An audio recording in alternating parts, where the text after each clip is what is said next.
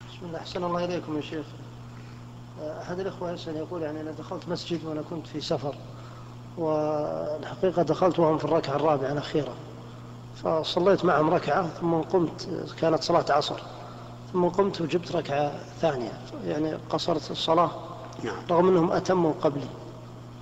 حكمها يا شيخ هل هو- هذا الذي ر- صلى خلف قوم يصلون أربعا وهو يظن أنهم مقصرون الصلاة هل تبين له أنهم صلوا أربعا؟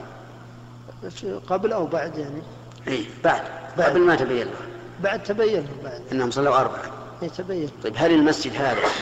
مما جرت العادة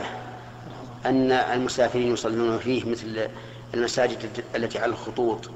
في المحطات لا هو دخل المدينة هو دخل- المدينة دخل إذا القرية. الأصل في المدينة أن الذين يصلون فيها يصلون أربعا أربع نعم فهو مفرط فيجب عليه الآن أن يعيد الصلاة أربعا وتكون صلاته الأولى نفلا تقرب إلى الله عز وجل أحسن الله إليك بلغها بلغها حتى إن شاء الله.